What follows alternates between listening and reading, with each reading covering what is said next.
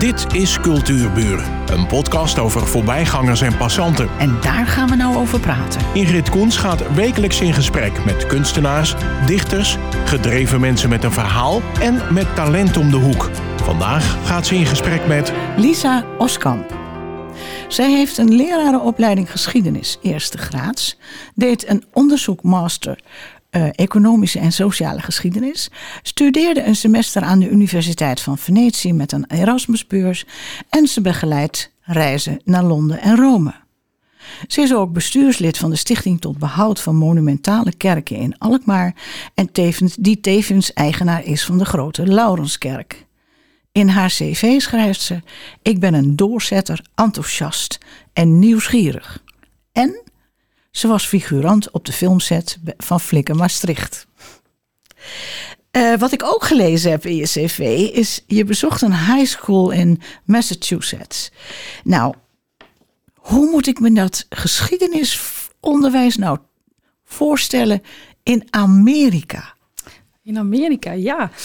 Um, nou ja, dat is een aantal jaar geleden dat ik dat bezocht. En uh, toen was ik eigenlijk vooral geïnteresseerd in de vraag um, hoe zij nou eigenlijk les gaven over de Koude Oorlog. Want en, in Ach, Nederland ja, staan ja. natuurlijk op zich ook wel aan de kant van de Verenigde Staten. Um, hè, vanuit natuurlijk die gebeurtenissen. Um, maar Verenigde Staten zelf is natuurlijk een van de hoofdpartijen. Dus ik was daar eigenlijk vooral om te kijken van hoe doen jullie dat nou? Dus ik heb daar ook de boeken bestudeerd, met leraren gesproken. En ja, het onderwijs is daar natuurlijk anders georganiseerd dan in Nederland. Uh, ja, je hebt zo'n middle school en dan daarboven nog weer een school voor leerlingen van zeg maar 15 tot en met 18 jaar. En waar ik dan was, gingen ze ook s ochtends om een uur of zeven al beginnen. En dan duurde het tot twee uur s middags. Dus dat vond ik ook al wel bijzonder om uh, die lestijden zo mee te maken. En dan hadden ze smiddags eigenlijk allerlei clubjes. Dus kon je kiezen voor een debatclub of een toneelclub of nou, dat soort dingen. Oh, dat is toch wel heel anders dan bij ons. Zeker, ja. ja heel anders vormgegeven. En maar dat antwoord op die Koude Oorlog, dat ben ja. ik toch wel heel nieuwsgierig naar. Um, nou ja, dat bleek toch eigenlijk ook wel dat ze daar gewoon wel genuanceerd in stonden. Want, want ik was dus ook op, op, op een school um, vlakbij Boston in Massachusetts. Dus dat is uh, ja, toch wel een, een, deel van de Verenigde Staten waar ze ook wel uh, nou ja, gewoon open zijn. Ook wel ja, openstaan voor andere uh, mensen. En um, nou ja, dus dan konden ze ook eigenlijk wel gewoon op een goede manier kijken naar hun eigen geschiedenis, vond ik. Ik vond niet dat ze daar een heel pro-Amerikaans verhaal hielden. Nee, dat was natuurlijk de verwachting, hè? Ja. Ja, ja. ja.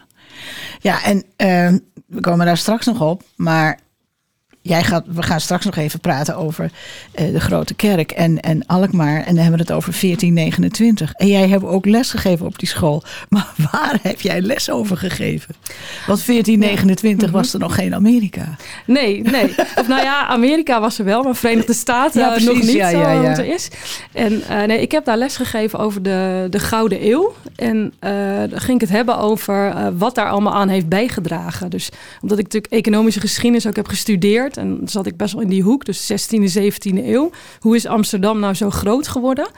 Dus toen had ik een hele opdracht gemaakt, ik geloof met allerlei bronnetjes. En dan moesten die leerlingen dan daaruit halen van...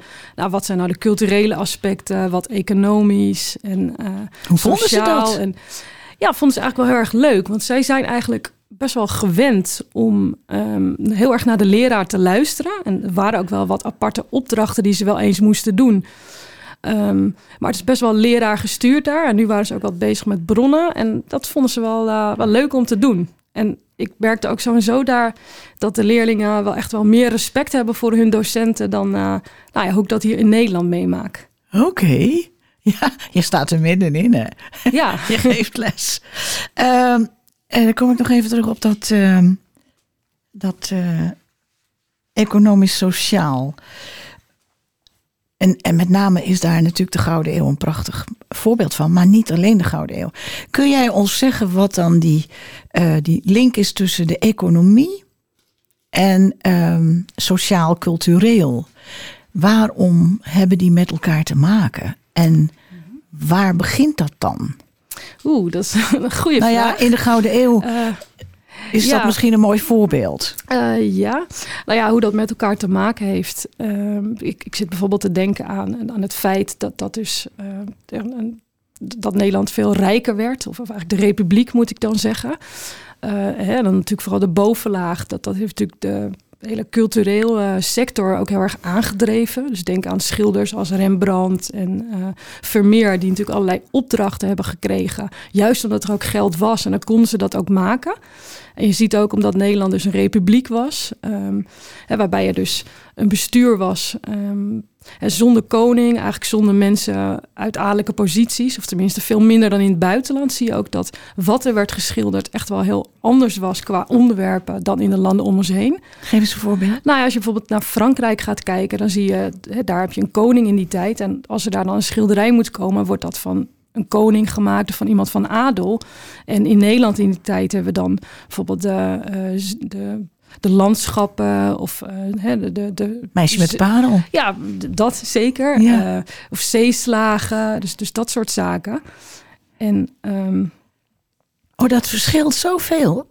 Ja. Maar, maar, ja, was het ook niet zo dat al die, die grote namen als Jan van Gooien, uh, hoe heet die, Vermeer, Rembrandt, die schilderden ook voor de markt. -hmm. Omdat de mensen hadden geld om het te kopen.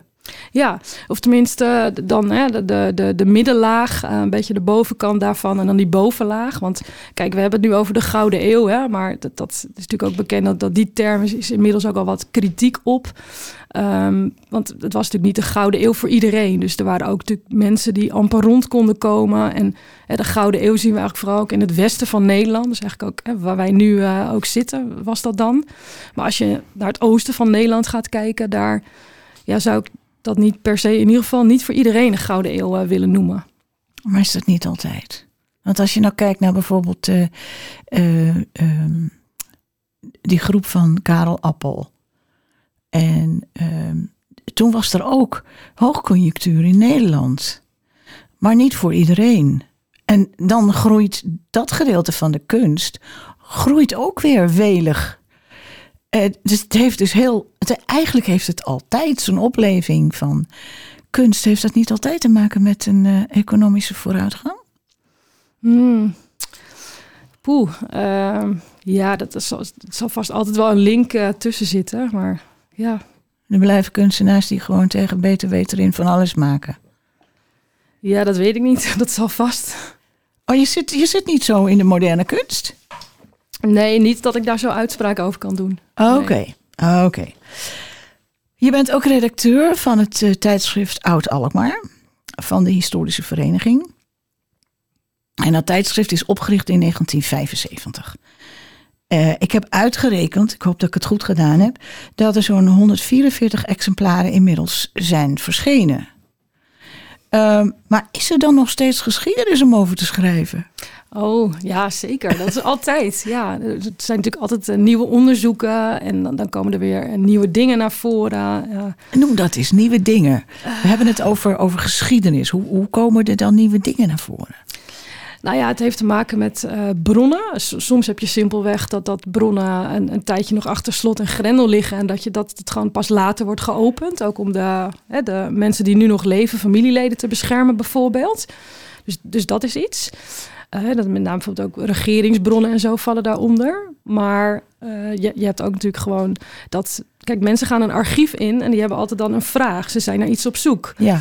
Um, en soms kom je dan, terwijl je het ene zoekt, het andere tegen. Uh, is niet, ook, is, is, niet altijd is iets goed uh, neergelegd in het archief. En ja, soms komen ze zomaar iets, iets tegen. Zo simpel kan het zijn. Ja, ja. En, en het is ook denk ik van dat elke tijd ook weer andere vragen met zich meebrengt. En dan kan net dan weer de ingang van het onderzoek anders zijn. En dan kan je weer hele andere dingen over leren. Nieuwe dingen die jullie eh, tegenkomen, die zijn altijd verrassend, hè? Mm -hmm. Hoe zit dat met die opgravingen? Er is natuurlijk veel, uh, uh, hoe heet het? de straten liggen open en zo. Ja. En er gaan tegenwoordig gelukkig allemaal archeologen in. Ja. En daar komt ook natuurlijk het nodige uit. Heb jij daar nou ook dingen uitgehaald dat je denkt: hé, hey, kijk, nu valt er eindelijk iets op zijn plek? Uh, nou ja, dat, dat soort dingen, zeker als het natuurlijk in Alkmaar en omgeving is, dan lees ik dat wel. Dat vind ik natuurlijk wel interessant, omdat het dan je eigen gebied is. Ik vind het sowieso altijd wel interessant om als je ergens loopt, om dan goed om je heen te kijken. Dus naar boven, naar de gevels en ook te bedenken wat er onder je is. Dus als je daar dan iets over leest, dan neem je dat wel weer mee. Um, dat is bijvoorbeeld ook in het Stedelijk Museum Alkmaar. Daar liggen dan, um, nou, ik geloof inmiddels alweer een jaar of 10, 12, een aantal skeletten die ze dan ooit, geloof ik, op de paardenmarkt hebben opgegraven.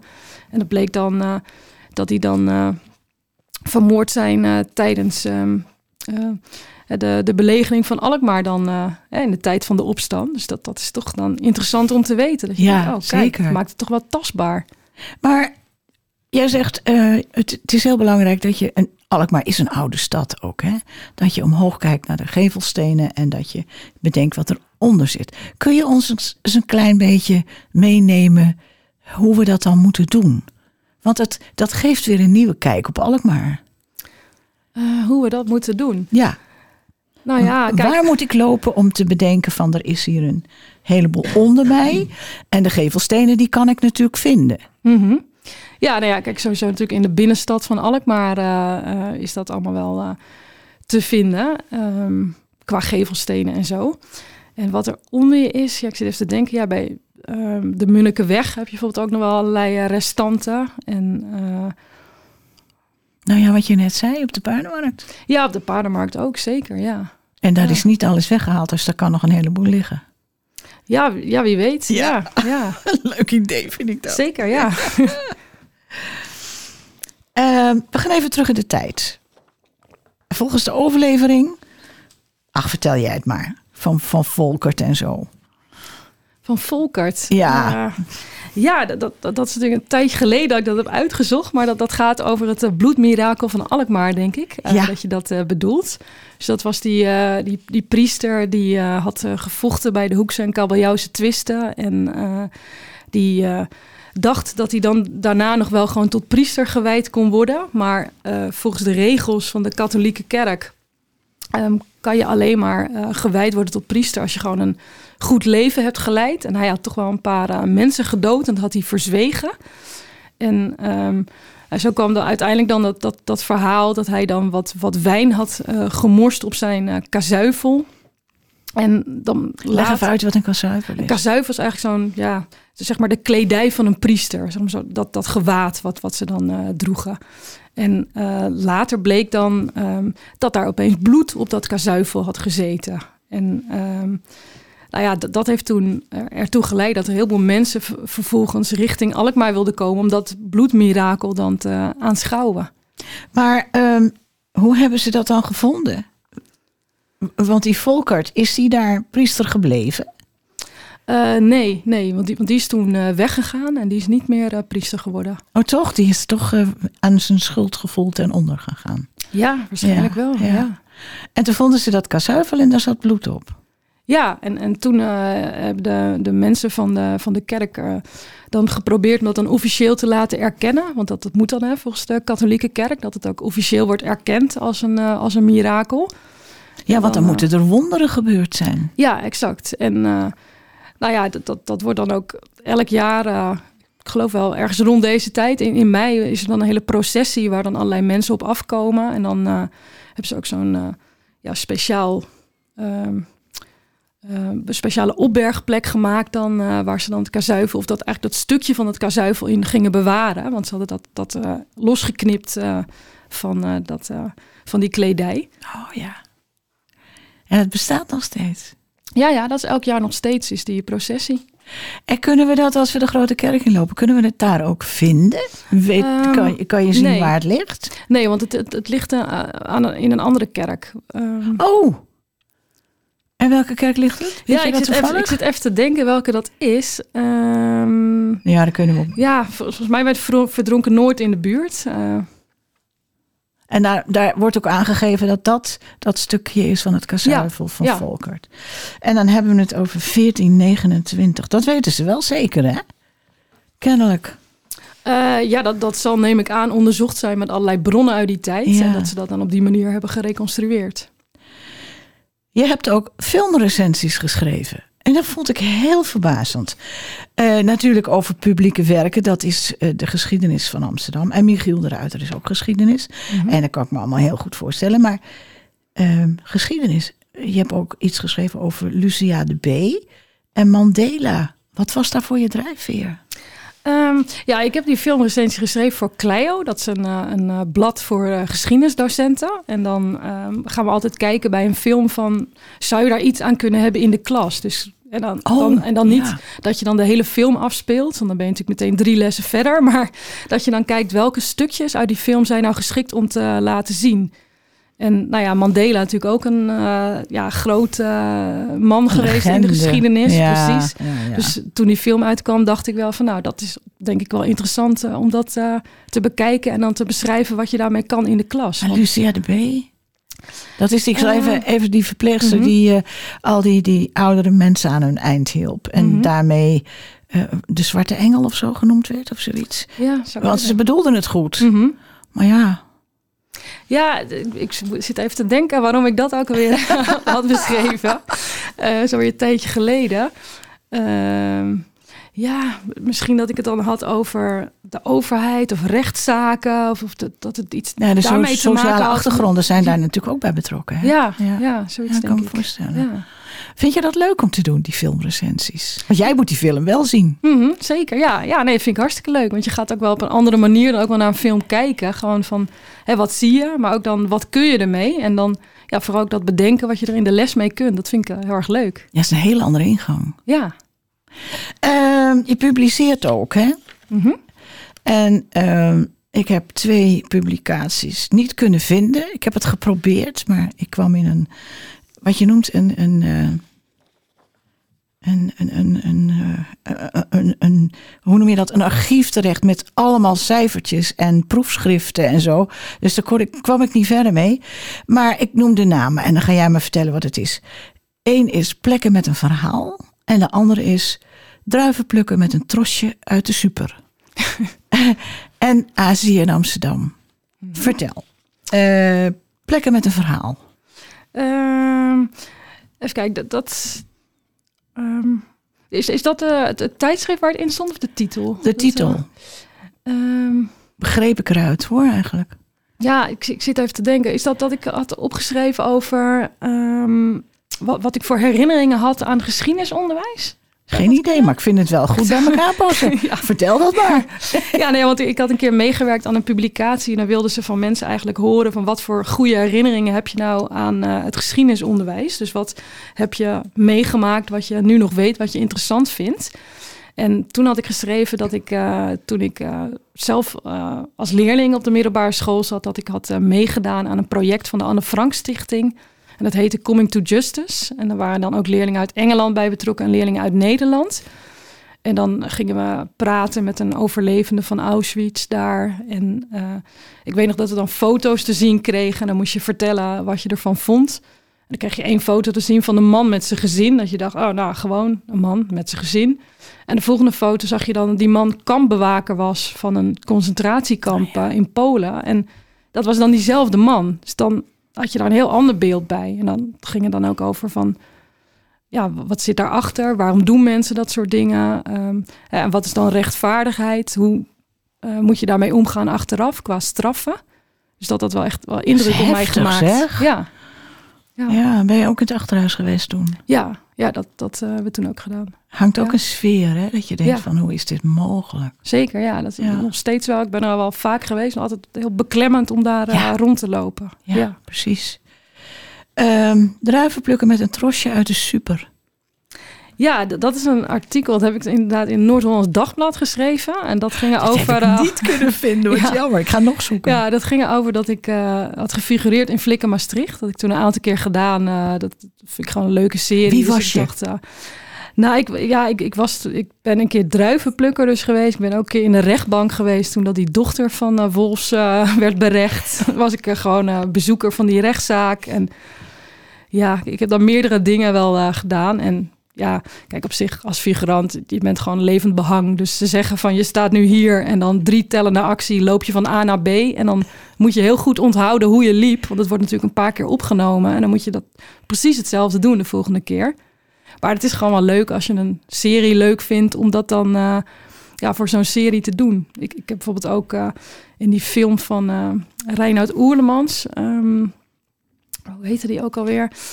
Ehm, Waar ging het over? Ik zit even te denken. ehm, dat was ook in de, in de 16e eeuw. Ehm, oh ja, Nova Zembla heette die. Oh, Zo, nu ja, weet ik het ja. weer. En dan filmden we ook in, in, eh, in Amsterdam in een kerk. En dan, dan filmden we dat, dat die mannen dan weer terugkwamen naar die barre tocht. En dan moest je dus allemaal ook die kleding aan uit die tijd. En als je daar dan zo met z'n allen staat, zo in die kleding. En ja, dan begint het ook wel te leven. Dus dat vond ik ook wel eh, leuk om mee te maken. En in die kerk natuurlijk, ja, ik Ja, kan me voorstellen. En Azië in Amsterdam, dat heb je samen met iemand anders gedaan. Ja, klopt. Dat was een artikel tijdens mijn studie. En eh, toen hebben wij gekeken van... Nou ja, de, de VOC is in 1602 opgericht. Eh, daarvoor waren er ook al een aantal tochten naar Azië. En er zijn dan ja, natuurlijk enkele mannen die daarheen gaan. Hè? De matrozen aan boord. En natuurlijk de, degene die echt binnen die compagnie zitten.